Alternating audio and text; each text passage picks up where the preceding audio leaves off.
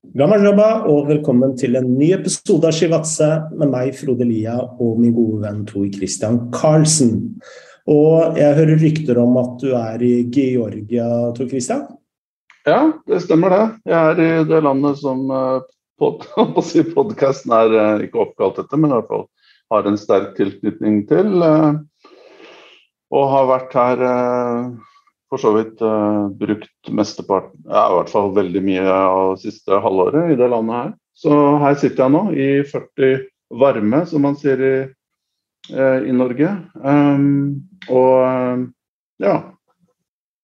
Og da skjønner også lytterne at vi, siden vi sitter på to vidt forskjellige steder i, i verden, så må vi gjøre vår podkast eh, gjennom Zoom, og eh, da blir lydkvaliteten litt deretter. Men eh, vi håper jo at innholdet holder et bedre nivå enn lydnivået. Sikkert delte meninger om akkurat det, men vi, skal nå i hvert fall gjøre et forsøk på, på å gjøre vårt beste. Vi har jo fått veldig masse spørsmål, og jeg tenker at vi må jo starte med det viktigste, og det er jo vin. Eh, og vi har jo fått et spørsmål fra Gladfjell på Twitter. Gjerne flere vintips fra Georgia. Og eh, har du noen vintips til oss, eller Kristian? ja, jeg, jeg, har faktisk det. Um, du har jo um, tidligere um, informert lytterne og gitt en liten leksjon da, om den eh, på en måte rike vinhistorikken og kulturen til Georgia.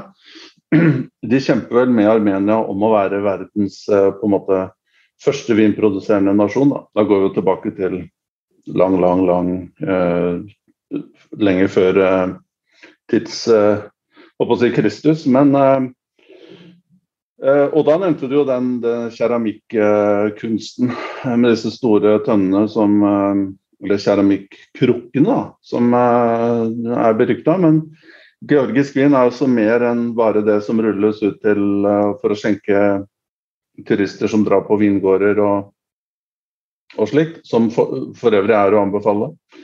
men det er også på en måte en mer moderne måte å lage vin på, som er Eh, lik den europeiske, da. Eh, og jeg vil jo påstå at det er et ganske undervurdert uh, vinland. Nå er vi jo liksom i Norge kanskje mer snobbete, da. Det skal være det skal være noe veldig sofistikert, eller nå er det til og med naturvin òg, som for, for, så vidt også de er veldig dyktige på her i Georgia. Men det har noe ganske unikt eh, konsept her, i hvert fall ifølge min kunnskap om vin, da, som ikke er liksom ti av ti, kanskje 6,5. Um, men, men um, uh, den på en måte klassiske uh, vintypen, nå snakker vi rødvin her, i Georgia som uh, daterer seg tilbake til hvor lenge jeg er litt usikker på, men det var den store, på en måte mest populære vinen som ble skjenka til toppene i Sovjet og og osv. Det var jo den uh, som heter Kins Marauli. Som er litt sånn spesiell um, i den forstand at den er det de kaller semi-sweet her, da. Mm. Uh, og den er jo basert da, på Kins Maroli-druen, som gir en veldig sånn søt Ikke altfor søt, men tenker bitte litt i retning portvin, da, men ikke dra det for langt heller. Men den har mye mer søt uh, smak. Jeg er veldig dårlig til å beskrive smaken, om det er mat eller vin eller whatever. Um, så jeg skal, skal ikke begi meg altfor mye ut på det. Men jeg har funnet en som på en måte uh, er litt spesiell. Som, uh, den heter Alexandroli. jeg bodde for noen par måneder siden på, på vingården, som også er et Radisson-hotell som ligger et sted som heter Tsinandali. Det er ca. 2 12 timer med svingete veier uh, og masse bikkjer og kuer. Kyr heter det kanskje. Og uh, masse annet rart ute i veien som man må uh, på en måte navigere rundt for å komme dit. Og, og, ja, jeg bodde der og fikk en liten omvisning. Og, og tok med meg en flaske som jeg har kjøpt flere av etterpå. Uh, og det er Mm. altså en, en, Den er semisweet, ikke kun da, som du, den får du overalt. Men dette er altså en pinot noir. Så det er litt sånn eh, forsøk på å modernisere den på en måte semisweet eh, konseptet med semisweet vin, da, med en mer på en måte internasjonal dru, druesort, om man vil eh, si det på en måte. Nå tok jeg faktisk også med en sånn flaske hjem til Oslo. Um, for uh, tidligere i sommer. Jeg tok med flere, men jeg tok ikke mer enn kvoten, bare for å ha sagt det. Uh, og så presenterte jeg den til nevøen min, som på en måte utgir seg for å være vinkjenner. da. Og han var jo eh, Jeg fikk en ganske Hva skal jeg si Ganske uh, uventa reaksjon. Da. Han var på en måte ikke så fan av den på en måte søtheten der, da. Så det er jo ikke for alles ganer, dette her. Men jeg skal legge ut et bilde av dem på, på Twitter-kontoen vår. Og så, så, kan man jo forsøke å, å eventuelt google, men jeg syns i hvert fall den er veldig spennende.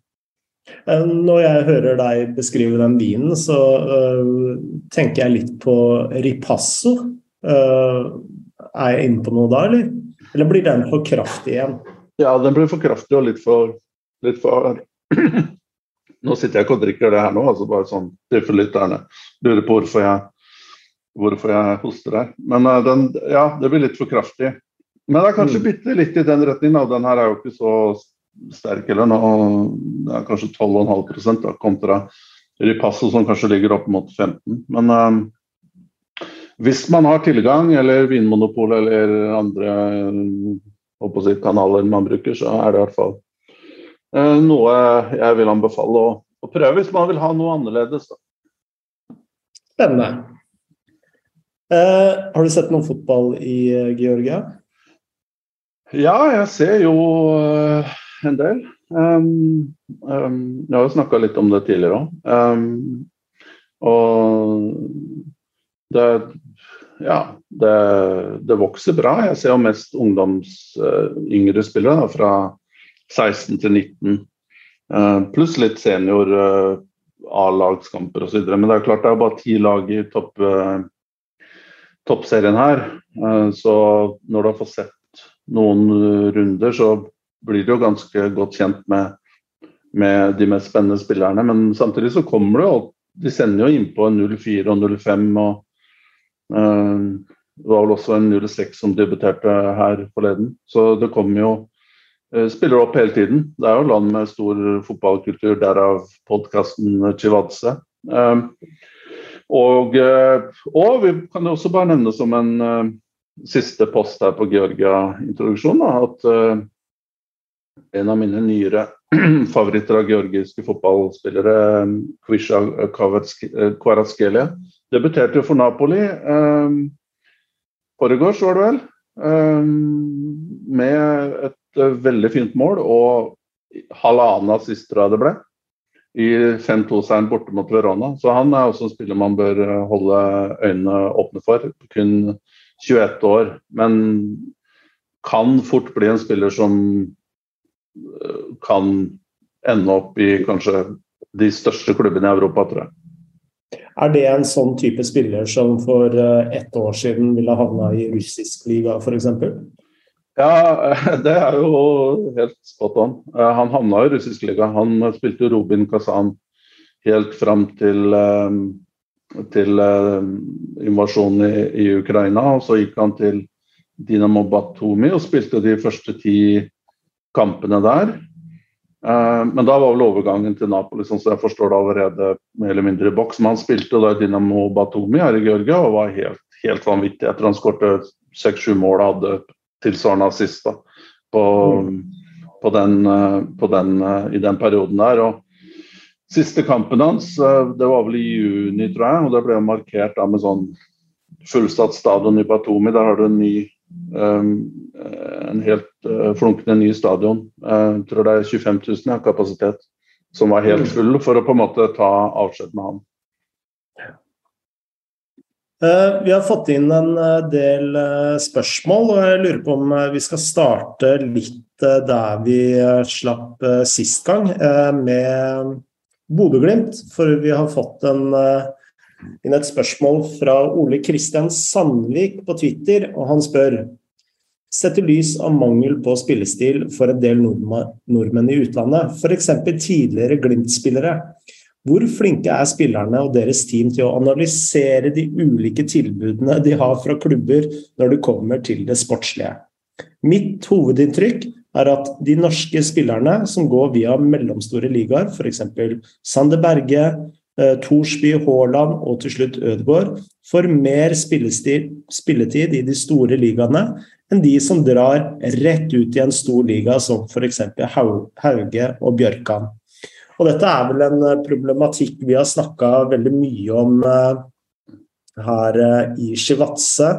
Hvordan da særlig de spillerne fra Bodø-Glimt som har gått ut, Eh, stort sett mangler eh, spille, spilletid der de ender. Og vi har jo vært inne på kunstgressdebatten, vi har vært inne på hvordan det er å spille i et veldig sånn fastsatt system som Glimt har, eh, pluss, pluss. Men hva tenker du om innspillet til Sandvik om at det er bedre å gå til en mellomstor liga før du går til en storliga? Altså det første jeg tenker på, er jo at de fleste av eh, spillerne fra Glimt har jo faktisk gått til mellomstore klubber og ligaer eh, først.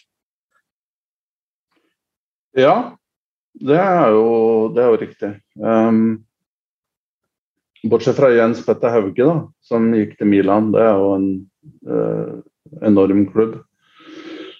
Uh, og han hadde jo, hadde jo, en flying start der, um, men så dabba det av. og Uh, lyktes ikke helt. Jeg var vel litt sånn usikker på om det var om det var en god match, da, sånn med tanke på, eh, på si, de utfordringene som man, man får. Mitale spesielt jobbe defensivt og tilpasse seg. Um, på en måte veldig tunge treninger, mye Det er ikke så veldig gøy, kanskje, som det er andre steder. og og trenertallet er mye terping. Og den profesjonelle tilværelsen på en måte tar over hele livet ditt. Um, og om han var helt klar for det, er jeg usikker på, men det er jo på en måte har vi jo fått svar på. da. Uh, og egentlig ditto med Frankfurt òg, selv om Hauge er, har spisskompetanser som er meget uh, spennende. Um, jeg, jeg, tror nesten at det blir litt det er jo klart at man vil jo gjerne ha i pose og sekk.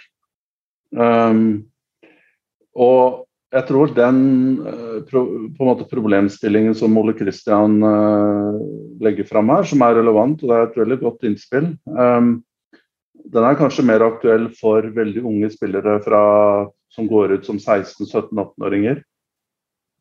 Da har du på en måte flere du har ofte flere klubber å velge mellom. Du kan dra på besøk hit og dit. Du kan snakke med representanter fra de forskjellige klubbene og være en uke der eh, noen dager om du vil. Um, og du har heller ikke så stor hast. da. Uh, og penger og sånne ting betyr jo ikke på en måte Det er ikke alfa og omega i den delen av utviklingen din eller livet. Da er det mer hvor kan du vokse, hvor kan du bygge en karriere. Men det er klart, la oss si Lode, da, som går som bossmann som i slutten av 20-årene, eller om han allerede hadde bikka 30, men i slutten av 20-årene. Men dette er jo, du kan også ta det ut til et generelt nivå. Så, så kan du jo ikke velge pose og sekk. Eh, og da har du heller ikke tid til å sitte og vente på kanskje det optimale tilbudet som, eh, som du skulle hatt. Eh, og da er jo også økonomi en mye større faktor. Har du spilt, mm. har du spilt i Eliteserien i hele din karriere så, og ønsker å legge opp uh, og betale et huslån eller noe sånt på tampen av karrieren, så er det klart at da, da tar du den sjansen ved å mm. hoppe på, ved å hoppe på et tilbud. da. For du vet jo ikke om blir du, kan du bli uh, utsatt for en skade i de neste kampene, eller kan du bli uh, ja, alt kan jo skje. Det er jo på en måte Du er jo ikke garantert at den statusen du har akkurat der og da, vil At det treet vil fortsette å vokse inn i himmelen. Mm. Så, men det jeg kan si, da, det er jo at agentene til spillerne de er jo ekstremt proaktive. Eh, og mye av den jobben for å få spillere ut av landet, spesielt Norge, som er litt på en måte har hvert fall vært tungt da, å flytte spillere ut, det er det jo agentene som gjør. Og de er jo med og maner opp interesse og jobber sine kontakter. og Eh, så mye er avhenger også av kontakter, eh, og det avhenger av relasjonene til kontaktene som agentene har inn til klubbene for å klare å overbevise dem om å, om å hente spillerne. Så nåløyet er veldig trangt. Eh, så når først en klubb kommer, om det er fra Kypros, eller om det er fra Belgia, eller om det er fra Frankrike eller, eller Østerrike, det er litt random. Da. Det er litt avhengig av som sagt, kontakter og være på riktig sted til riktig tid, og behovene som de klubbene har. Men jeg er jo litt fan av at spillere tar sjansen. Eh, for det er også mye som kan forandre seg i den klubben du går til. Du kan bytte trenere, du kan få skader i, i utsatte posisjoner der du eh, er et alternativ som vil gjøre det lettere. Men hvis du er en veldig attraktiv spiller med ekstremt stor interesse, typ Haaland, da, før han gikk ut, Ødegaard var nevnt her, så er det jo klart da, da stiller du jo eh, da, da, har du jo langt flere, eh, flere options å, melde, eller, å, å velge mellom. Mm. Og mange, mange Bare legge til et uh, siste poeng her. Og det er jo at flere store um, europeiske agentbyråer har jo på en måte systemer som uh, Og da snakker jeg om agentbyråer som representerer store spillere, altså landslagsspillere i Tyskland eller i Belgia eller Nederland eller uh, sånne plasser. De har jo ofte systemer basert på analytics og data som presenterer dem da med profiler på klubber som er mest attraktive for spillerne de representerer. Og da targeter de jo de klubbene og jobber mot dem. Så det blir på en måte Men dette er jo spillere som klubber vil Som har 10-15 interessenter.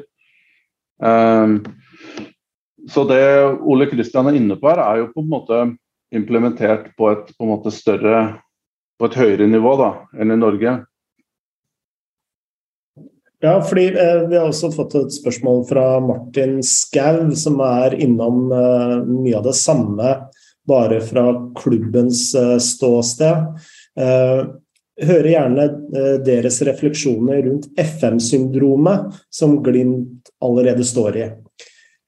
Enorme sportslige prestasjoner, store penger inn, men kan ikke driste seg til tilsvarende store lønninger ut og overgangssummer. Hvordan kan man da sikre seg nye kvalitetsspillere inn? Og eh, Bare for å legge til det du sa, altså det er jo i veldig mange tilfeller hvor man egentlig ikke har noen alternativer. At du altså Si Bjørkan da, eh, som et eksempel, som går til Hertha Berlin.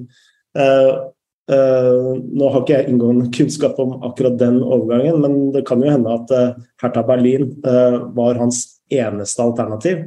Og da må du jo hoppe på det. Da, da er det jo egentlig ikke noe å vurdere. Nei, men uh, det var nok ikke et godt eksempel. For han hadde jo masse masse interesse rundt omkring. Han var jo på vei ut av kontrakt og var bossmann og landslagsspiller for Norge. Men det, poenget mitt da, det er jo at desto eh, kortere kontrakt du har, høyere prestasjonsnivå, lavere alder, desto større blir jo eh, interessen. Men den tweeten her til Martin Skau burde du tatt på Tromsø-dialekt. Den var jo skrevet på veldig ren uh, ny, eh, på ikke, Hadde jeg gjort et forsøk, så hadde det endt opp på svensk. Du veit dette når jeg starta så testa jeg alle dialektene uh, når jeg skulle selge abonnement. Og hver gang jeg endte opp på nordnorsk, så blei det svensk til slutt. Så jeg ble bare gjennomskua, så jeg kan ikke gjøre det på podkast òg. Skal du gjøre forsøk, eller? Ok, da prøver jeg på nytt. Ja. Halla, boys! Hører gjerne deres refleksjoner rundt FM-syndromet, som Glimt allerede vel står i. Enorme sportslige prestasjoner, store penger inn. Kan jo ikke driste seg til tilsvarende store lønningsposer og overgangssummer. Hvordan kan man da sikre nye kvalitetsspillere inn? ja, jeg syns det var bra. Men der Nei, det var bra. Uh, han er jo stor TIL-mann, dette her. Uh, men det var litt sånn syndrom at alle søringer, som man kaller det, der oppe i nord, blir finnmarkinger når de skal snakke Skal imitere nordlendinger, da. Så jeg hørte litt finnmarking der òg, men det er bra. Det er terningkast fire. Altså, Moren min bor jo i Nord-Norge, hun bor jo på Senja. Så jeg, jo, så jeg, har jo uh, fire stesøsken uh, oppe i nord, så jeg, jeg, vil jo si at jeg er litt godt trent. da. Hvis du er kvart uh, nordlending, Frode. Vil du starte med det meget legitime spørsmålet, eller? Ja, og jeg vil jo si at Glimt gjør jo Uh, mye riktig. Nå skal det jo sies at uh, de har jo faktisk begynt å øke lønningsposene og overgangssummene nå som de henter en dansk spiss uh, for 20 millioner kroner. så premisset er vel ikke helt står seg helt akkurat nå, men altså, de gjør jo veldig mye riktig. De henter fortsatt unge spillere som ikke har slått igjennom andre steder og eh, jobbe med dem. Så det, eh, så det, er vel mer en sånn en liten justering, at de henter kanskje litt mer, men eh, oppskriften er vel mye av det samme. Jeg tror at de bare må stå i og ikke vinne serien hvert år, og ikke eh, kanskje kvalifisere seg til eh, Champions League playoff hvert eneste år. Eh, fordi metoden deres viser seg å være god, og metoden deres viser seg å være helt riktig. Eh, så man må bare tåle å stå i de eh, nedgangstidene som medfølger av å jobbe etter en sånn modell. Da. Ja, jeg, er enig. Langt på vei enig, altså. Um, og um, jeg er også enig med deg at den uh, signeringen av, fra Danmark nå, fra AGF, uh, var på en måte en Kan være en game changer litt. At de At de uh, bryter da litt med den tidligere filosofien at de på en måte skal skal bare hente altså Det har kommet spillere fra Åsane, de henta Salvesen fra fra, fra godset. Det henta altså i, i, Vetlesen tidligere. Um, og det er på en måte Henter du norske spillere, så er jo det De, de ser vel også på Bodø-Glimt som, som, et springbrett for å komme seg ut uh, videre, da. Uh, og sånn jeg oppfatter norske spillere, så er vel ikke de sånn de, de trenger ikke nødvendigvis å ha paydayen Eh, i Bodø-Glimt. Eh, men at det skal hjelpe dem til å komme seg videre og bli betalt når de kommer seg eh, ut. Da. Og jeg tror vel fortsatt at du men det, blir spennende å se hvor, hvor kommer Bodø til å legge seg nå. Er dette den siste signeringen et tegn på at de vil legge seg lønnsmessig etter hvert som Molde og, og, og Rosenborg? Vil du opp der? Eller skal de fortsette med grunnlønn som er på en måte rundt der de har vært, eller litt høyere. Men det, det må jeg også tilføye her at det er jo klart at når disse inntektene kommer, nå blir det muligens eh, altså De har garantert 50 millioner selv om de skulle bli slått ut av, av Dinamo Zagreb Eh, neste uke, er det vel. Mm. Um, og de vil da ha 200 millioner ish hvis de kommer seg til gruppespillet. Eh, men det er jo klart at spillerne skal jo også ha en del av den potten her.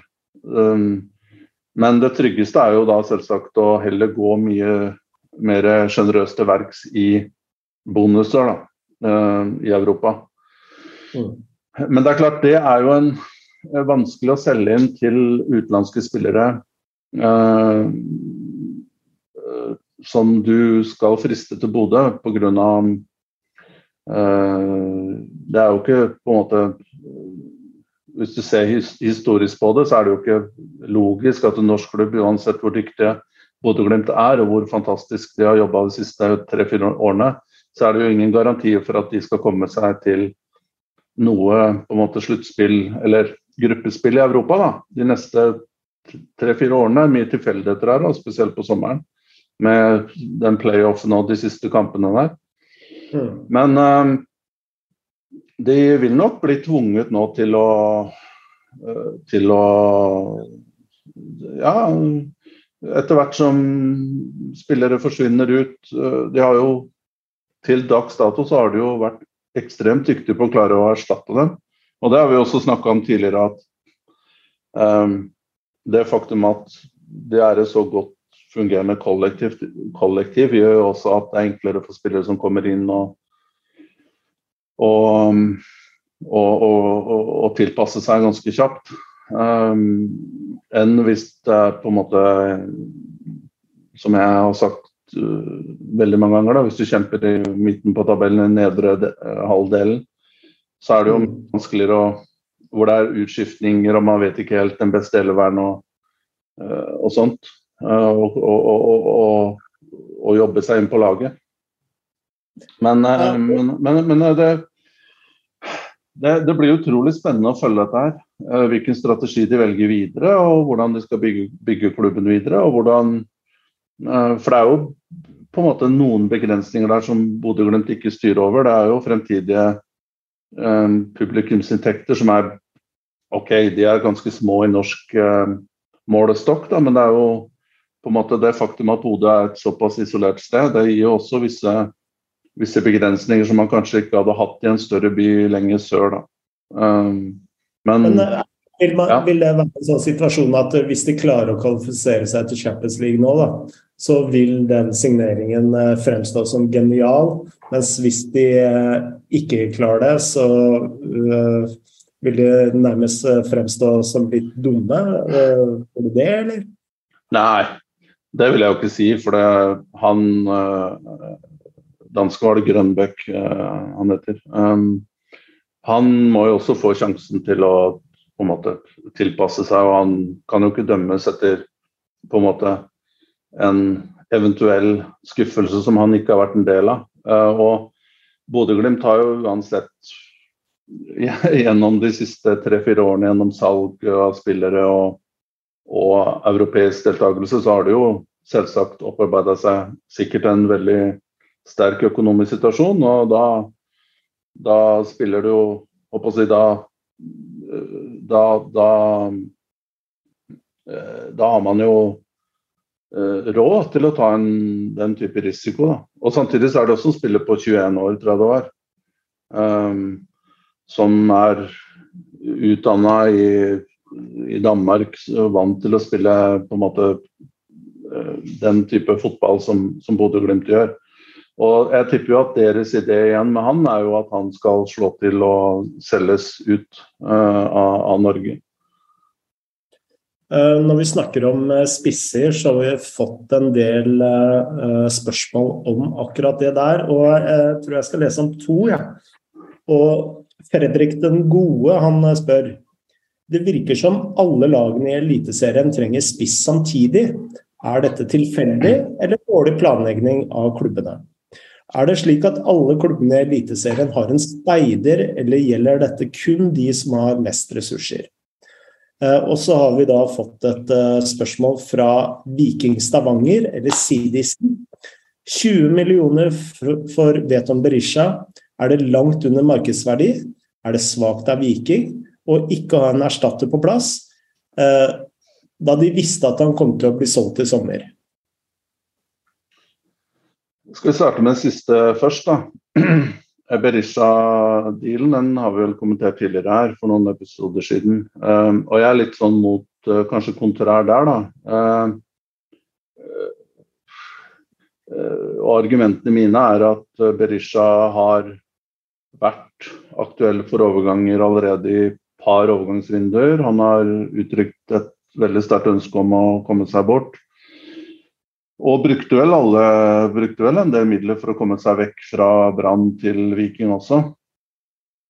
Um, og du kan med noen spillere så kan du jo på en måte bare vise fram kontrakten og si du skal være her, men andre så eh, Dette blir litt opp til management da, å føle hvor langt du kan tøye det med spillere. Du vil jo ikke ha en spiller som på en måte vender seg mot klubben og mister produktiviteten pga skuffelsen over at en overgang ikke skjer. Sånn er det litt å være lenge ned i næringskjeden. Det er greit hvis du er på en måte eh, store klubber i Europa, da, så slipper du det problemet der. Men selv Lewandowski klarte jo å bryte seg ut fra Bayern München til Barcelona. Så, så dette er jo, det er jo ikke noe nytt. Um, og i den konteksten her, med det bakhodet at Berisha også hadde stor interesse, var fra Malmö i i vinter, før overgangsvinduet stengte, og han var ganske utilfreds med at han ikke fikk gå. Eh, og det som kanskje ble sagt fra Vikings side, nå vet ikke jeg noen ting om det måte, som har blitt kommunisert der, men, men, det som ville være en naturlig ting, da, det er å si at ok, vi forstår at er, du er 28 år. Um, han er vel 94, tror jeg, så, og er på en måte på i hvert fall i en alder hvor kanskje økonomi begynner å telle mer enn det gjør tidligere i karrieren. Og han virkelig ønska seg dit, så tipper jeg kanskje Viking sa at OK, um, bli til sommeren. Vi, vi, har, vi, har, ikke mulighet til å på en måte bare la deg gå nå. Så lar vi deg Hvis det kommer noe attraktivt tilsvarende til sommeren, så får du gå. Mm. Og Det er også viktig at du opprettholder en viss tillit da, til spillerne på den måten. At du ikke på en måte bare prøver å kjøpe deg tid eh, løgn, gjennom løgner. da. Um, eller mis, misledende samtaler med spillerne. Det er jo ikke noe som skaper tillit uh, in the long run. Uh, og det andre punktet her så 20 millioner syns jeg egentlig er eh, OK. fordi det er jo ikke en spiller som har prestert i noen spesiell grad sånn jevnt, i hvert fall, utenfor Europa. Han har vært eh, litt her og der. Eh, prøvd seg, har ikke helt slått til. Vært fantastisk god i Eliteserien og hatt også noen gode cameos på landslaget. Men eh, med det bakteppet så er jo ikke det en spiller som er attraktiv så lenge han har kontrakt for på en måte større ligaer eller høyt gasjerende ligaer på en måte lenger øst eller sør. Uh, Hellas, Kypros, sånne steder skal jo bare ha gratisspillere. Mm. De, de, skal legge alt i lønn og ikke i overgangssum. Uh, og det er litt tilfeldig hvem som ender der. Og, så de, de ville nok ikke betalt to millioner euro da, for, for en 28-åring. og da, da, er det jo Skandinavia, da. og Sverige og Danmark. og og, og, da kunne få 20 millioner fra skandinaviske markedet, som også Viking har fått for andre spillere, da, eh, til Brønnby, eh, stort sett. Det mm. syns jeg ikke er så alarmerende, for å være helt ærlig. Nei, altså, vi har også fått et spørsmål fra Vegard Bjørgo, som, uh, som lurer på dette med Viking. Uh, hva tenker dere om at Viking som byr to millioner for kanskje formspiller og poengspiller nummer én i Ofkir, og under én million for Napoleon Romsås. Uh, ja, de... ja, vi hoppa litt over, det var jo flere spørsmål der som kanskje vi skulle ta først. Men det henger jo alt sammen alt Ja, jeg tenker det henger ja. litt sammen. Fordi uh, Altså Når du ser på hva de ønsker å hente, da, og, og hva de klarer å selge, så er det jo et eh, veldig stort sprik eh, med tanke på økonomi, iallfall. Ja, det, det, er helt klart. Jeg vil bare starte først med det med, med, med um, Om Viking allerede burde hatt en spiss klar. Um, og Det har jeg også fulgt litt i sosiale medier, og mange Viking-supportere har jo vært ganske klare i sin uh, tale da, om at uh, de hadde forventa å ha en erstatter der. Men som en som har vært litt i samme situasjon og uh, vært ryggen mot veggen da, i overgangsvinduer, så, så vil jeg jo si at jeg har ganske stor sympati med Viking. Fordi uh, Og må også bare legge til at Viking virker som at de har eh, De går ganske langt nå for å eh, opprettholde en viss noen prinsipper her. Eh, og de har vært veldig dyktige i overgangsarbeidet, syns jeg, de siste halvannet årene. Og de skal være veldig sikre på, på hvem de henter, og at det blir eh, at, at det lykkes med det. Så de kommer ikke bare til å signere en spiller som blir eh, på en måte en CV som tikker inn på e-mail, den på en måte sekretariatet. Det er jo fryktelig gammelt dagsord. Men de skal ikke bare ha spillere som på en måte bare renner inn uh, på den info at vikingfk.no. De skal ha spillere som de har sett, og som de føler seg komfortable med. Har sett flere ganger, tatt referanser, studerer tilpasningsdyktighet og hvordan de går inn i systemene der. Og det tar tid. Og man har ikke Altså i Norge vel og bra kanskje at de har fått inn la oss si bortimot 100 millioner på overganger fra det siste året, da, fra disse salgene til Brønnby og Berisha nå sist. Men det betyr jo ikke at Viking plutselig skal legge 10 millioner i overgangssum 15-20 eh, og 3 millioner i lønn til en spiller. Det, det, går jo ikke. Du har jo på en måte en lønnsstruktur, og du har eh, sikkert også en tanke om at disse pengene som har kommet inn, skal forvaltes på en måte over flere år. Eh, og Da er det veldig veldig vanskelig å finne en, en, en spiss som du er 100% overbevist om kan komme og gjøre en umiddelbar forskjell. Og kanskje også at de har en tanke om at den spilleren skal kunne selges om noen år eller noen måneder. Og da utelukker jo det f.eks. Uh, spillere over 26 år eller 27 eller 28. Så det er sikkert mange filtre og parametere som man tar hensyn til. Um, og selv om man eventuelt starta en jakt der, eller selv om man har en speider, det var også et annet innspill. Um, og en speider kan nok gi litt på en måte hive, være med å hive flere egg oppi den kurven. Men selv klubber som har speidere, de, de kan ikke trylle. De må også operere innenfor den realismen som eksisterer i Norge, men spesielt med lønn. Mm. Som, er, som, er, ekstremt lav, sammenligna med, med, konkurrerende land rundt med Europa. Og så har du også konkurrenter her i Norge som første spørsmåls, uh, spørsmålet dreide seg om. At mange andre norske klubber også uh, ser etter akkurat den rollen. Um, så, og selv om en f.eks. Altså, problemet da, det er jo at du må basere søken din litt rundt sjanser, spesielt på spissplass. For det å skåre mål er en såpass ettertrakta, naturligvis, og sjelden egenskap. Og de spillerne som skårer mål, uansett om det er hvilket som helst nivå i Europa, hvilken som helst liga, de vil alltid bli plukka opp og bli gitt en sjanse et eller annet sted der man betaler bedre enn i Norge.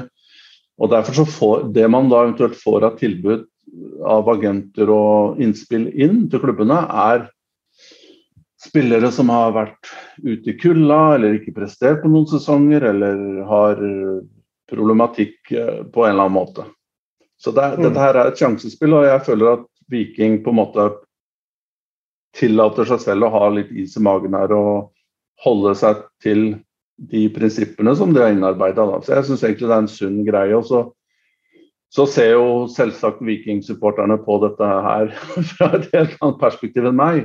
Men som en som har vært i den samme situasjonen flere ganger fra innsiden, så har jeg forståelse for at Viking eh, tar seg god tid med dette her.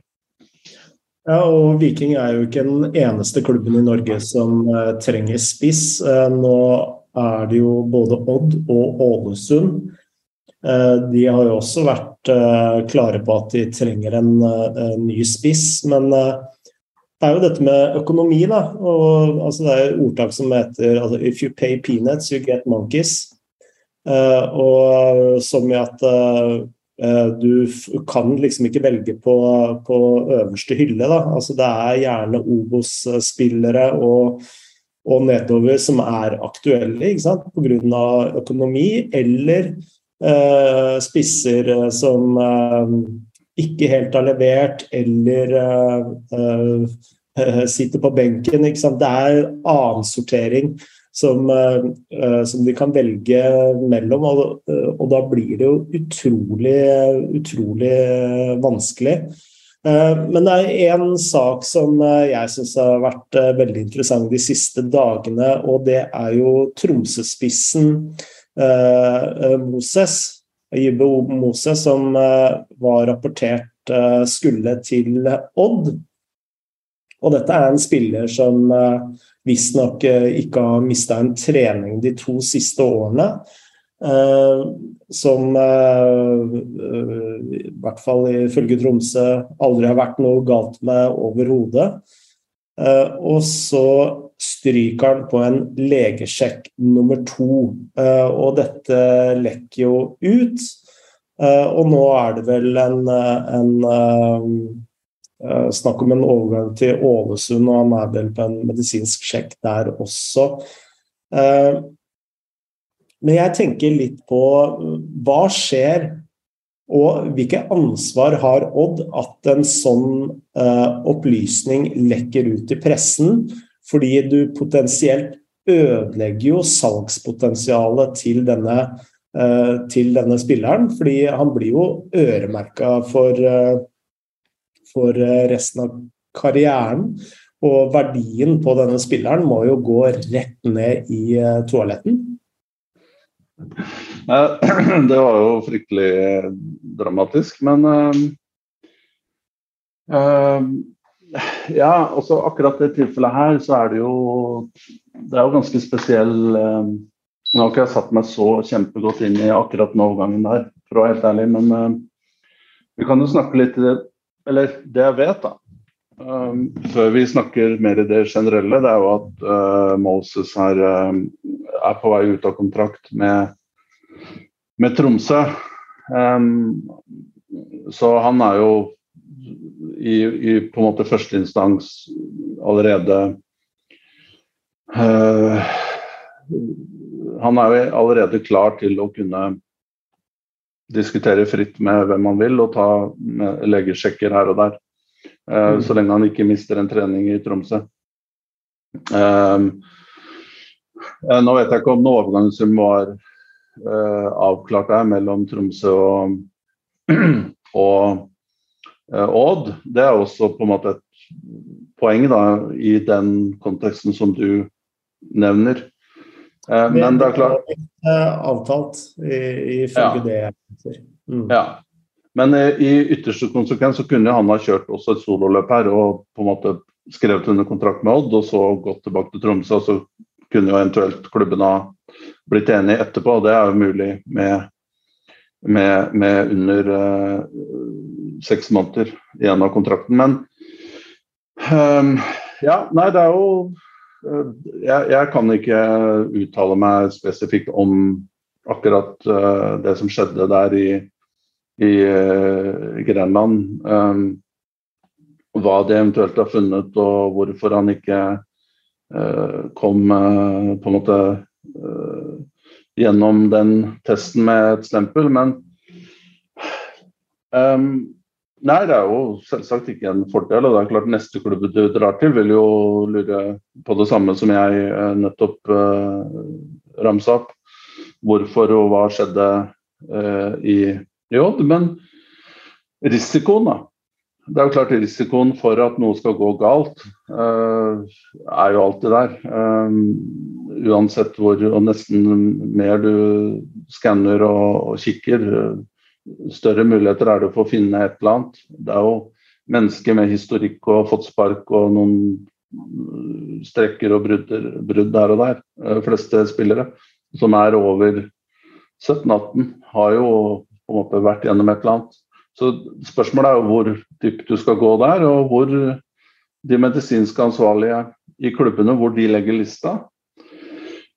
Og Det blir jo opp til enhver klubb å, å vurdere, men i det tilfellet her hvor som du sier, spilleren har vært på banen eh, stort sett de fleste kampene over de siste par årene, og han blir signert for en relativt uh, moderat sum selv i norsk uh, målestokk, vil jeg tro, i og med at det er en spiller på vei ut av kontrakt. Og han skal sikkert ikke ha enorm lønn heller, så er det jo klart at risikoen du bærer som klubb, er jo mye lavere enn hvis det er et kjøp. Fra, direkte fra utlandet hvor det er overgangssum og det er høy lønn. Um, men igjen, dette er jo opp til klubben å vurdere selv. Mm.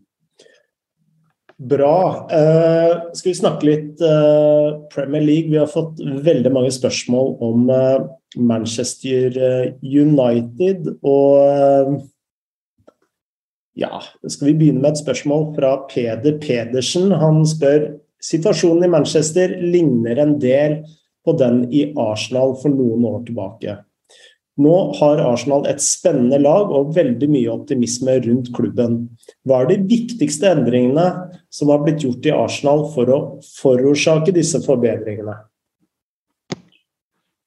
Ja, jeg vil jo bare legge til at uh, litt fra responsen på de foregående podcastene våre, uh, episodene, så, så, har det jo på en måte kommet en del tilbake Flere begynner å bli lei av dette her. Eh, over at vi eh, kommer tilbake til det temaet her. Men samtidig så er det jo det som er høyest på, på dagsorden. Og samtidig så vil jeg også si at den situasjonen som Manchester United eh, befinner seg i, uh, den åpner jo for veldig mange Det er jo ganske på en måte beskrivende for en del av de tingene vi liker å snakke om her i Chihuahua. Um, og det er vel en av grunnene til at vi kommer tilbake til dette. her. Så dere som eventuelt er lei av det, får bare ha oss unnskyldt. Men uh, du kan jo starte der, og så kan vi jo bruke noen minutter igjen til uh, noens forargelse og noens uh, kanskje fascinasjon om Manchester United. Ja, jeg, altså det jeg kanskje vil starte med vi, vi, jo, vi, snakker jo mye om struktur og viktigheten av struktur. Uh, og det at uh, Arsenal har fått en, uh, en, kompetent sportsdirektør på plass, vil jeg jo si er kanskje det jeg vil starte med. altså brasilianske Edu, Eduardo Cæsar Gaspar er det vel han heter.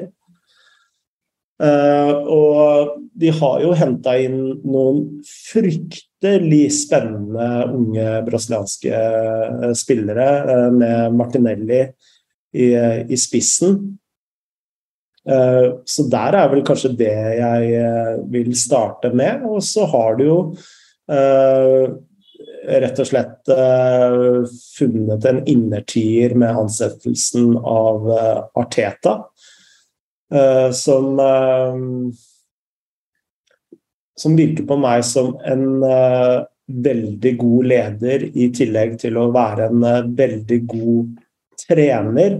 Og er også en mye mer fleksibel trener enn det jeg trodde han skulle være før han starta jobben. Altså, jeg trodde han var Pep Guardiola 2-0, og det er jo klart at han står jo for en veldig ballbesittende fotball, men uh, det at han har uh, fått så god kontroll på det defensive, f.eks., det overraska meg veldig. Fordi i veldig mange kamper, særlig mot de andre topplagene, så har han jo satt et forsvar som jeg trodde kanskje ikke han ville være altså ville være eksponenten eh, for. Det skal jo sies at i, i, starten så røyk de jo på noen fryktelige tap. Men uh, det, det, har jo kanskje vært noen lærepenger for Arteta uh, underveis også. Men det virker som han har tatt til seg den læringen og liksom utvikla og Eh, seg selv som en trener og, og klubben. Og, eh, så jeg vil si kanskje de tingene der er det som uh, ligger til grunn, som uh, altså ikke Manchester United uh, har hatt på plass. da. Ja. Um, ja, jeg syns det er en ryddig oppsummering. Um, og så tenker jeg også litt at Um, men det er klart Det er flere måter å se det her på. Um, uh, altså jeg, jeg, Og det, det, det, blir, det, er så mange tråder man kan ta tak i her, da. Men det jeg tenker først, da, det er jo at uh, vi må også huske på at Arsenal har vært gjennom en, en lang periode av lidelse etter Wenger-perioden. Uh, og man har hatt flere år uten Champions League, og det har, vært, det har ikke vært noe hyggelig å være eh, Arsenal-supporter. Det har ikke vært noe hyggelig å, å, å eh, egentlig følge Arsenal.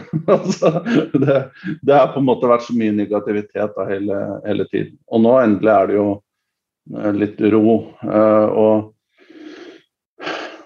og vi skal ikke så veldig langt tilbake før, um, før klubben var, sto under en massiv kritikk pga. Edu, som du nevnte her positiv, uh, med positiv fortegn. At uh, han uh, ble jo beskyldt for å ha altfor nære relasjoner til forskjellige agenter som, som han hadde beviselige gode relasjoner til.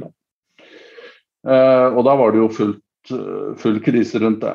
Men eh, det unike med fotball da, det er jo at folk bryr seg egentlig ikke så veldig mye om det som skjer bak kulissene når det går bra på banen. Eh, da glemmer man disse tingene her. Og det er jo for så vidt greit. Det er jo det man skal egentlig bry seg om. Fotballen og opplevelsen og kicket og seieren osv.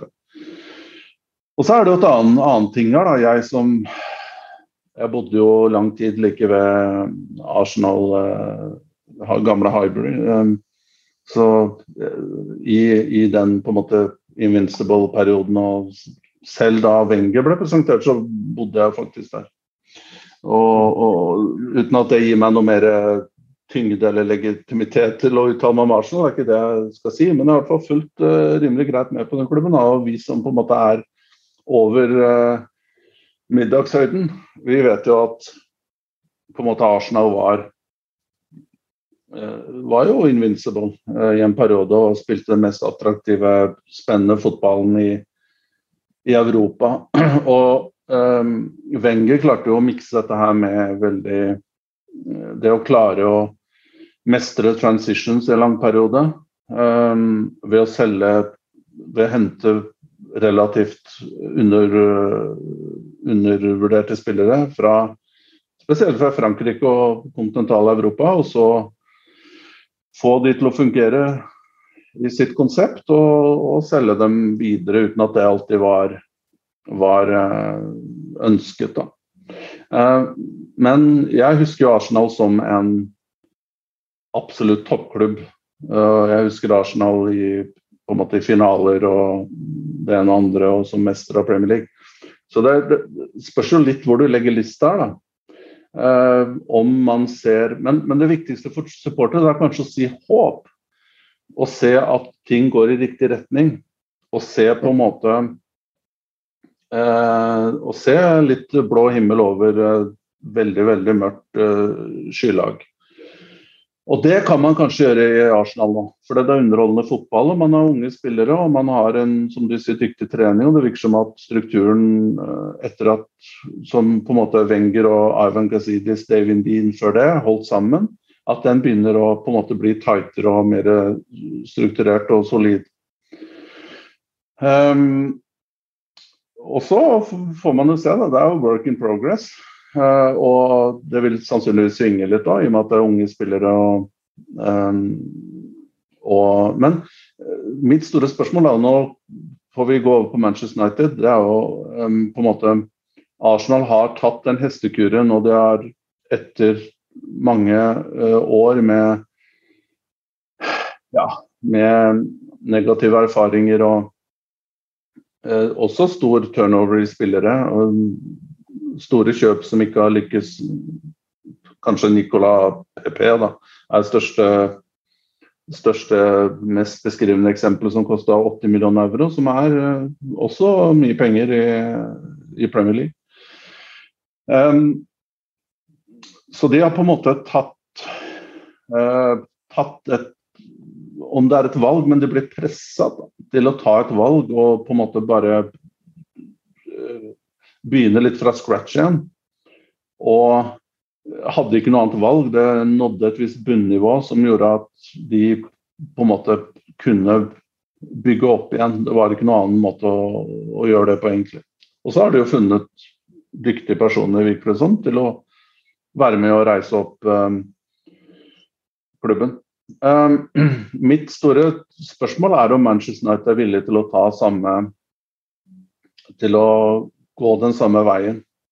Og jeg føler jo ansettelsen av Ten Hag er isolert sett, og jeg understreker isolert sett, et skritt i riktig retning. Um, men det er, det likevel veldig mye rundt her som ikke stemmer. Uh, og det er jo de tingene du er inne på her. At uh, du har ingen rutinerte uh, players.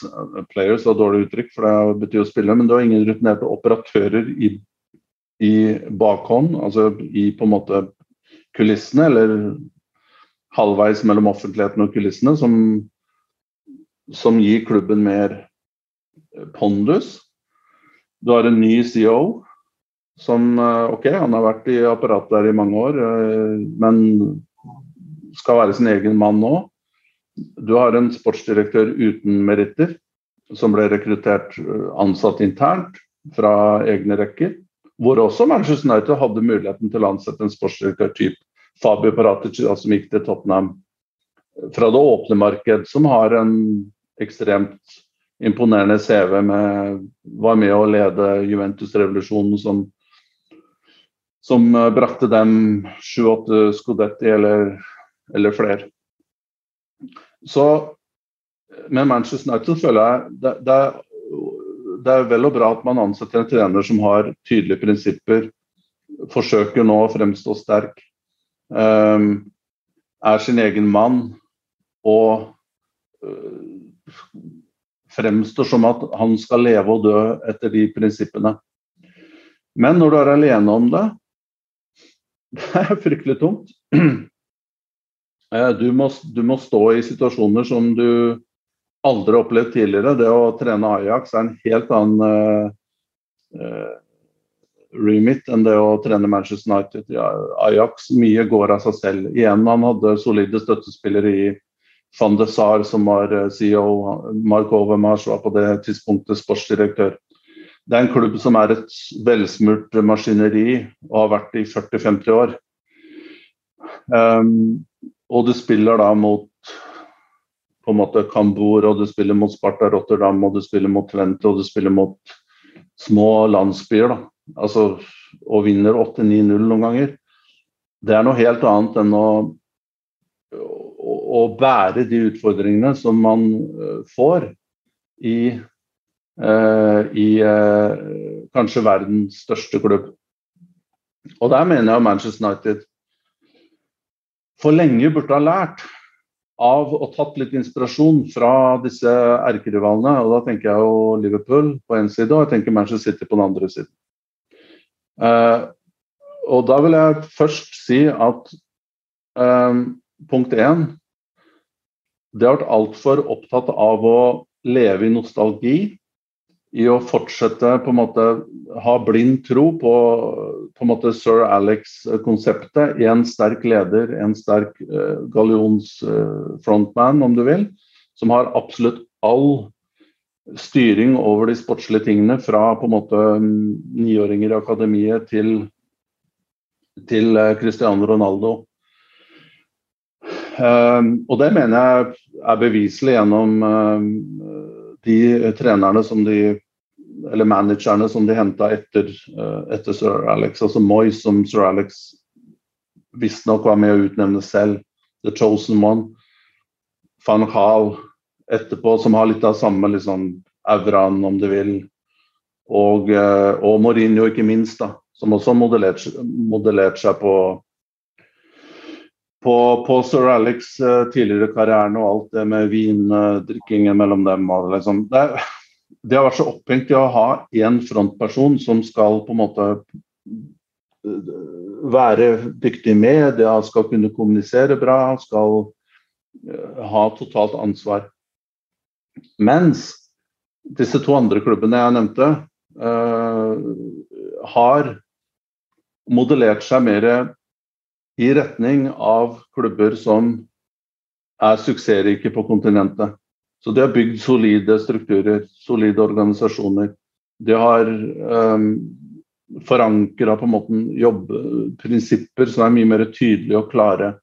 Og, og Manchester City, da, selv om det også er på en måte en litt medieskapt greie at fordi Pep Guardiola tar så mye plass selv, så skal man også huske at både uh, Ferran Soriano, som er CEO, og Aitor uh, Begiristein, som Eh, er sportsdirektør, de kom jo til Manchester City før Guardiola, og de på en måte dekka bordet for ham. De har jobba sammen tidligere, hatt suksess i Barcelona, kjenner hverandre. De representerer samme metodikk, samme tankegang, samme filosofi. Vant Premier League før Pep Guardiola kom òg? Ja, ja, ja. Selvsagt. Og de vant det til og med med Pellegrini, som, som Pellegrino, Pellegrini, som, som de plukka da. Eh, men de forsto på en måte at og Mancini vant uh, Premier League uh, før det igjen. Uh, men den, det maskineriet og det på en måte Og så kan vi jo Nå snakker vi om det sportslige, og det andre får vi på en måte legge litt til side akkurat nå. Men Manchester City fremstår jo som et maskineri og som en veldig velsmurt, moderne ja, best practice-type klubb. Og det er klart, det hjelper også å ha masse, masse penger. Men det har jo også Manchester United, og det har kanskje et navn som uh, runger enda sterkere rundt om i Europa eller verden enn det City har. Så det er mange fordeler. Uh, bortsett fra det ren monetære som Manchester United har kontra City. Og så skal det også legges til at de siste fem-seks årene så har Manchester United brukt mer penger enn det på, på spillere da, enn en, en naboen. Jeg vil, jeg vil bare skyte inn eh, der. altså Bare i dette videoet her så har eh, Manchester City solgt spillere fra akademiet som ikke engang har debutert på, uh, på A-laget for litt over 300 millioner Nei, ja, uh, 300 millioner norske kroner. da. og det er jo sterk kontrast til den butikken Manchester United driver. Ja, og det er jo også et resultat av helhetlig tenking og um, Det ble jo ledd av veldig da Mancini fikk sparken og det ble forklart at City skulle ha en holistic um, et holistisk konsept. da, Og det de mente med det, det var jo ikke yogatepper og sånn røyk eh, hva det heter, sånn eh, du tenner på, og buddha-statuer. Det var jo at man skal jobbe på en måte Ha en trener på toppen, eller nær toppen av pyramiden, som representerer på en måte den samme filosofien som, som resten. Og det er jo akkurat der jeg mener og Man kan snakke om laguttak og taktikk og små disponeringer, og man kan snakke om sammensetning av stall osv. Men så lenge man på en måte ikke har eh, lagt strukturen til rette, vi, vi, må ta dette her opp til et til et mer organisatorisk eller strukturelt nivå, ellers så kommer man aldri noen vei. For det Altså, du Man kan debattere til kyrne går hjem om den spilleren, Rashford, burde spille der eller der, eller Sancho burde spille på høyre eller venstre. Det er ikke det det på en måte står på.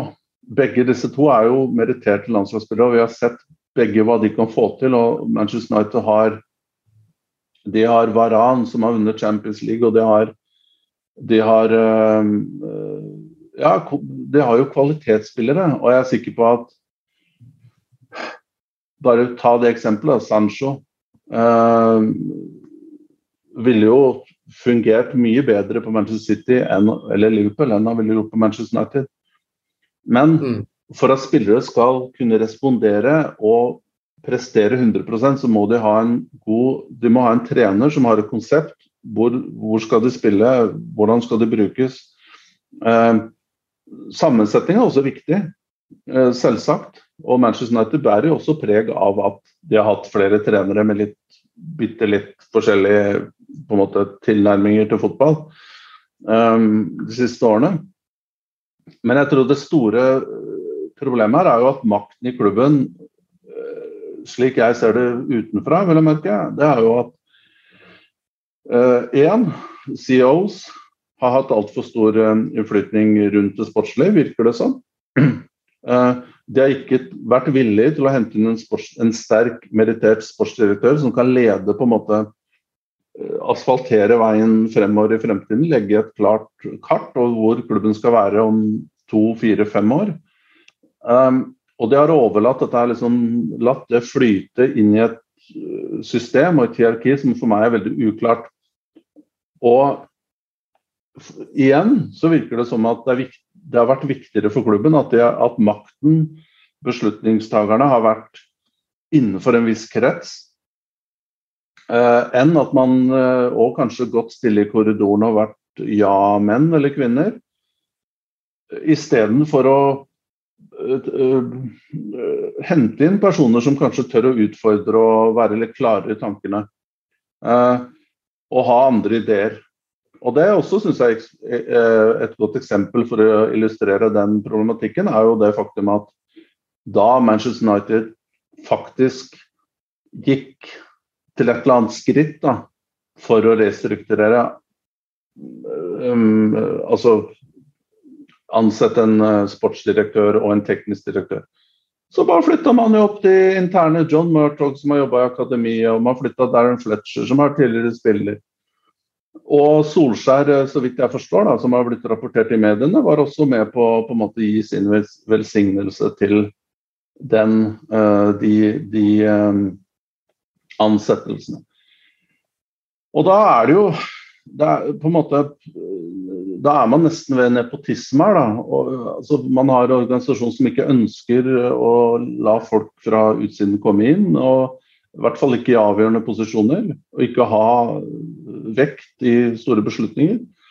Og i det store løp så får det konsekvenser. Sånn er det alle bedrifter og i private næringsliv, eller til og med i det offentlige. Altså Hvis man ikke fornyer seg eller tør å å, å på en måte ta inn personer som representerer det moderne, så blir man skadelidende i det store. Ja. Og Hvis man også legger til eh, hvor eh, pressa The Glazers er fra supporterne Alt dette her får det til å bli eh, altså dysfunksjonelt. Altså Hele strukturen er jo dysfunksjonell. Og etter kampen uh, mot eh, Brentford uh, så hadde jeg en tweet hvor jeg konkluderte med, etter Ten Hags intervju, da, at uh, han er ferdig. Og da fikk jeg en del pullback, for jeg tror veldig mange trodde at jeg mente han var en dårlig trener. Og det var jo ikke min agenda, men det handler jo om at når du har en sånn struktur som Manchester United har, og når du møter motgang, så vil de ulike maktsentrene vil begynne å peke fingre på hverandre. Og når Ten Hag da begynte å peke fingre på, på spillerne, da tror jeg han mista øh, Altså, det var starten på slutten for Ten Hag. Fordi det momentet han begynner å peke på spillerne, hva er det spillerne gjør da? Jo, de begynner å øh, øh, peke på på treneren.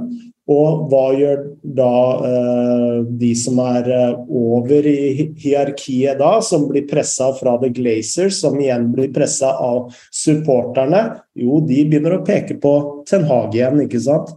Eh, så dette vil jo bli en eh, giftig runddans som eh, hvis de ikke bare mirakuløst begynner å vinne kamper gang på gang på gang, vil ende med at Ten Hag må forlate skuta. Eh, og vi har jo fått et spørsmål fra Lammerull 1. Eh, Erik Ten Hag intervjues etter kamp. Total ansvarsfraskrivelse eller et forsøk på å beholde autoriteten som manager? Laguttak og taktikk i de to første kampene var jo sjokkerende dårlig. Og jeg mener at Hvis du setter det ved siden av og Nå har vi snakka litt om Arsenal. da, og Det er så påfallende hvordan Arteta da, på mange måter er knallharde med spillerne sine, men utad, i pressen, så eh, tar han på seg all skyld. Her gjør Erik Ten Hag helt det motsatte. Og jeg tror at eh, Ingen spillere på noe som helst lag går ut på banen og ønsker å prestere 90 Og så har man tatt opp løpsstatistikk f.eks. Eh, til Manchester United. Sånn jeg leser det, så er det et lag fullstendig blotta for selvtillit. Eh, og eh, Ten Hag har også, øh, selv om jeg ikke mener at dette her er hovedargumentet, han har også kommet med en spillestil og en taktikk som ikke får ut det beste av sine spillere. Du skal spille deg ut bakfra, men hvilken keeper er det du har? Jo, du har Gea. Er han kjent for å være god med beina? Nei. Hva gjør du med, med Christian Eriksson Jo, du setter han nærmest ned som en, eh, et anker. Er det en, eh, en rolle han har spilt mye? Nei.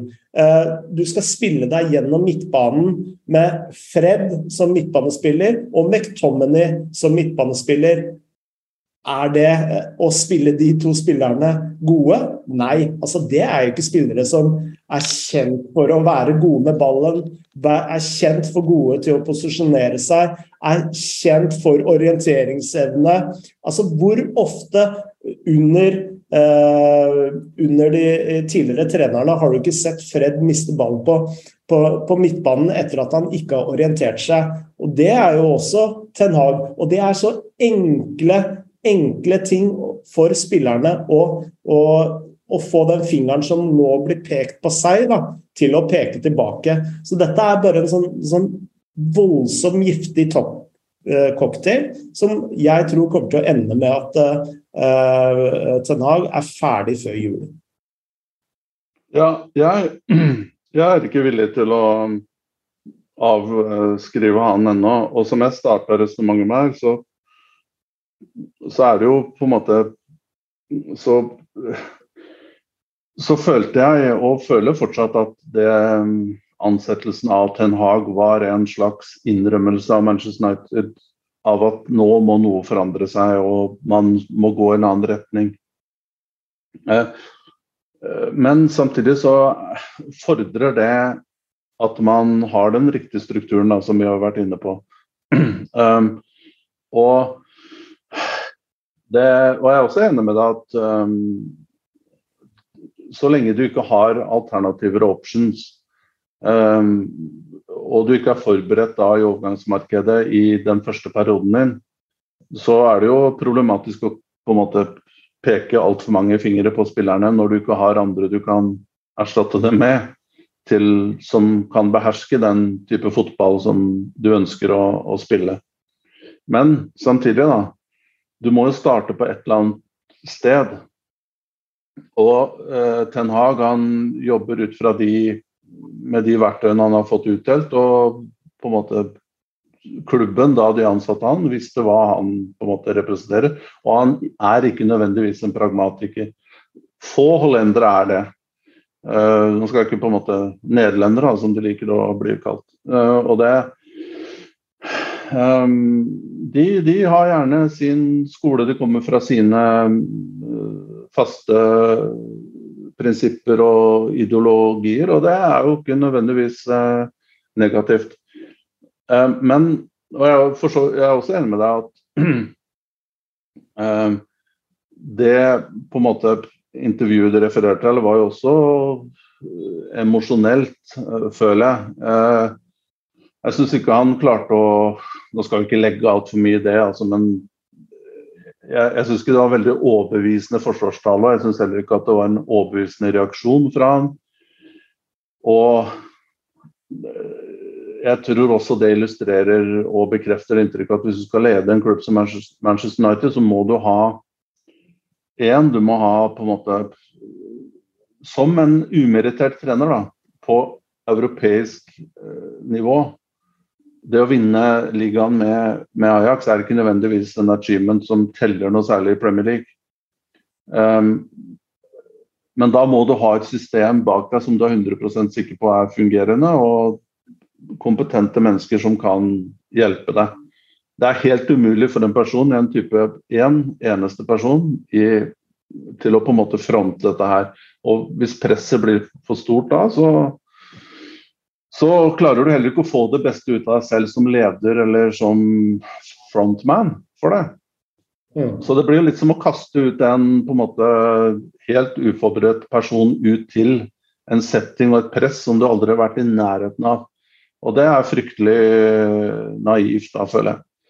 Um, det jeg bare vil bytte litt tilbake til um, starten her, eller det lange resonnementet jeg hadde, og det jeg er litt, bitte litt rart da, med, med Glazers Jeg er ikke helt med på at de skal ta på en måte fullt ansvar for at uh, for at Manchester United taper 4-0 mot Brentford. Og det har også vært litt sånn i klubben at når det har da gått Solskjær hadde en lang run der med Jeg vet ikke hvor mange kamper det var med, uten tap, men det var mange. Og da så man ikke, da hørte man ikke noe om, om Glazer. Så det, det, det, dette er ikke så lenge siden. Men Manchester United har jo vært i forfall i, i mange år. Uh, nå skal ikke jeg ta den samme talen her som jeg hadde tidligere med Arsenal, men vi husker jo Sir Alex æraen uh, og på en måte det, det lokomotivet og den mektige klubben da, som Manchester United var. Um, men det jeg syns er litt spesielt, da Eller det er jo mennesker i systemet til Manchester United, altså nå snakker jeg helt på toppen, om det er CEO eller om det er styremedlemmer, som uh, Altså Glazes er jo ikke hands on, etter det jeg forstår. Det er basert i Florida, eller om det er basert et eller annet sted i Statene. Dukker opp på en kamp hit og dit. Men det har ikke stått på investeringer, det har ikke stått på tillit til de overordnede personene. Som sagt, om det er CEO eller om det er andre. De har jo fått bruke penger, de har fått lov å bygge klubben og de har fått mer eller mindre fått gode ressurser da, til å være competitive både i Premier League og Europa. Men det har de jo ikke klart å utføre. Og Derfor er det veldig spesielt at Glazers-familien ikke har forstått det Liverpool-eierne forsto på et eller annet tidspunkt. At eierne må også være med på et eller annet tidspunkt og ta litt over uh, strukturen. Um, og nå var Liverpool var også i en, på en måte et vakuum. Uh, Hodgson-perioden som de fleste vil glemme. Du hadde Brennan Rogers etter og Daglish hadde en, en, en, periode der. Og det har jo også hatt noe av de samme utfordringene, med tanke på at det er ekstremt press. Det er, de er tynga av tidligere suksess og enorm legacy. Men de turte også ta et oppgjør, og det virker for meg i hvert fall som outsider at på et eller annet tidspunkt etter Brenn Rogers så forsto uh, eierne til Liverpool at her, vi må gjøre ting på en annen måte. Vi må, vi må legge ned andre prinsipper for kjøp av spillere, for hvordan hele klubben jobber fra, fra top down eller bottom up, om du vil. Så tror jeg de var bitte litt heldige og dyktige at de fant Klopp. Og det virker mm. kanskje bitte litt motstridende, fordi jeg har tidligere sagt at det er en sportsdirektør som bør drive fram disse prosessene, og bør være den som på en måte er linken mellom eierne og, og det sportslige eh, prosjektet. da. Hater ordet, men la oss bruke det. Eh, i, i, klubben. Men jeg tror med Klopp så fant de noe så unikt som en person som ikke bare forsto Liverpool by, eh, kulturen i Liverpool by, supporterne, klubben, men også en ekstremt intelligent person. Som er strukturert, som tenker langsiktig. Eh, og som hadde masse, masse erfaring fra eh, relativt stor klubb i Tyskland til å lede denne utviklingen her. Som jeg sier, Ideelt sett så skal ikke det være en hovedtrener. Og det faktum at Klopp har klart å gjøre det, betyr ikke at andre klarer det. Jeg tror Klopp er ganske unik på det feltet der. Og er ekstremt god. Han er ekstremt god leder, han er ekstremt god motivator. Han er ekstremt klartalt. Det hører måten han snakker på. Og så kan man snakke om han syter og klager litt i media, men det gjorde jo Alex Ferguson mer enn noen annen da, eh, i sin tid. Så det er på en måte diskvalifisering ingen til å være en god leder eller, eh, eller strateg. Så der tror jeg Liverpool var bitte litt heldige, eh, men også dyktige, som klarte å friste han litt. Um, og under Klopp, som også har vist stor samarbeidsvillighet til å jobbe på de premissene som eh, amerikanske eierne ønsker å innføre. Altså bruk av analyse, bruk av tall. Um, involvere disse dr. Ian Graham, som han heter, som jeg har sett foredrag med, som utrolig spennende type. Mm. Eh, professor eh, som, eh, som, er dypt involvert i spillerrekruttering, og Michael Edwards eh, etterpå, da, som ble sportsdirektør. Men det er jo eh, Her virker det som at og det, det, igjen da, det er litt tilfeldig. Noen ganger så snubler man litt inn i det og man treffer folk som er ekstremt gode, og man er utrolig heldig å få dem inn i organisasjonen. Og Klopp er selvsagt en av dem. Men det store spørsmålet for meg da, det er jo på en måte accountability Manchester United. Eh, og eh, så lenge klubben har underprestert år etter år etter år, at ikke man har på en måte tatt en dypere analyse av hvorfor man ikke lykkes, og eh, forsøkt å gjøre ting på en annen måte fra toppen av. da. Enn at man bare rekrutterer internt og bytter litt trenere nå og da og kjøper dyrere spillere og håper at noe skal lykkes. Så det er, det er på en måte egentlig oppsummere mine tanker om, om det. Men det, betyr, men det, betyr, jo ikke bare for å legge inn det som siste caveat her, da. Det betyr jo ikke at Manchester United ikke kan slå Liverpool på mandag.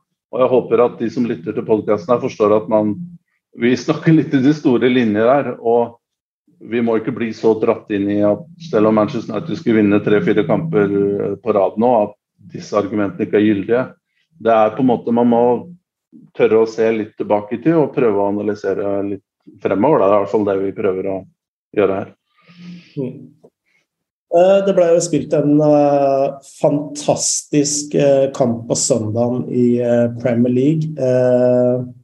Chelsea, Tottenham, Tukkel mot Conte, og så har du Cristiano Romero og litt lugging oppi, oppi miksen. Og jeg må jo si jeg ble kjempeimponert over Chelsea, og den første oppgangen den lukta det virkelig svidd av. Og det berømmelige eh, håndtrykket til slutt, eh, det bare kulminerte til eh, ja, en, en seeropplevelse til nye høyder. Steffen K. Hansen han spør Tukkel Conte må vel nevnes. Har Spurs Chelsea blitt mer hat de siste årene enn Spurs Arsenal? Ja. Um Ja, det er eh, Jeg har jo veldig mange venner som er Tottenham-supportere.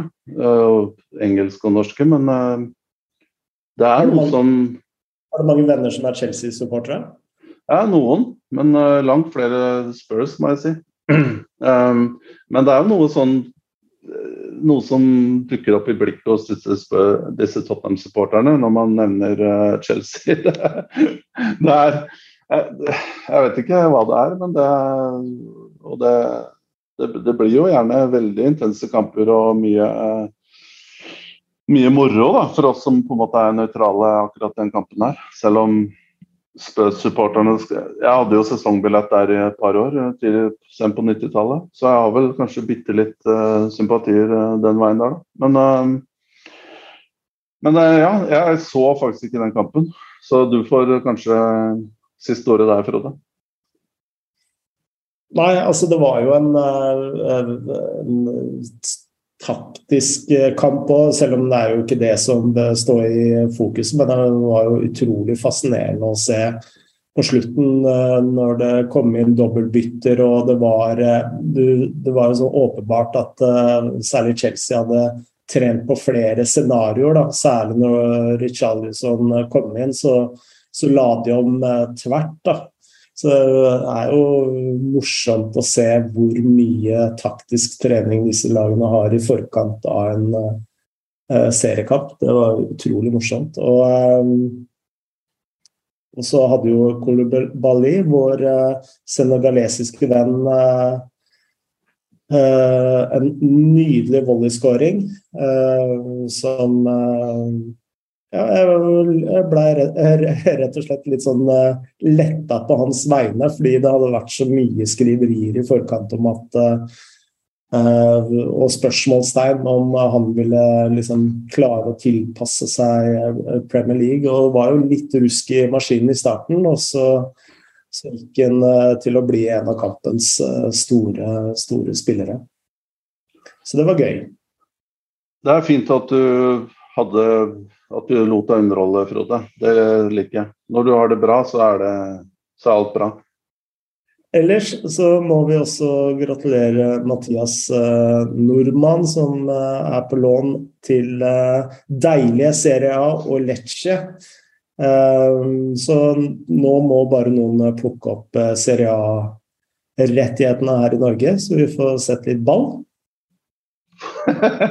ja, det virker som du får sett litt ball både hjemme og utlandet, men ja, nei, det er vel italienerne Jeg vet ikke, jeg er ikke involvert i spillet her, men jeg kjenner italienere godt. Så de, det pleier å være siste minutt og, og hard bargain. Så er det sikkert mm. ikke enkleste forhandlingene for våre, våre selskap her, eller der du sitter, på Bjerget. Eh, jeg veit at du eh, må videre, eh, så vi får vel plukke opp tråden og de resten av spørsmålene i, til neste uke. Ja, så får vi håpe at kampen på mandag blir, blir like underholdende som, som den som var på søndag. Og at vi slipper å prate om Manchester United i hver eneste uke framover. Det er sikkert en lettelse for for de som holder med den klubben. Vi kan vel love allerede nå at uh, Nei, vi kan for, for, så vidt ikke love det i og med at de eh, spiller det oppgjøret de gjør på mandag. Men vi skal prøve å ikke snakke så mye om Manchester United i neste episode. Ja, det er jeg helt enig. Jeg bare venta at du skulle runde av med georgisk hilsen. Ja, da sier vi som vi alltid sier her i Gå jeg jobba, og på gjenhør.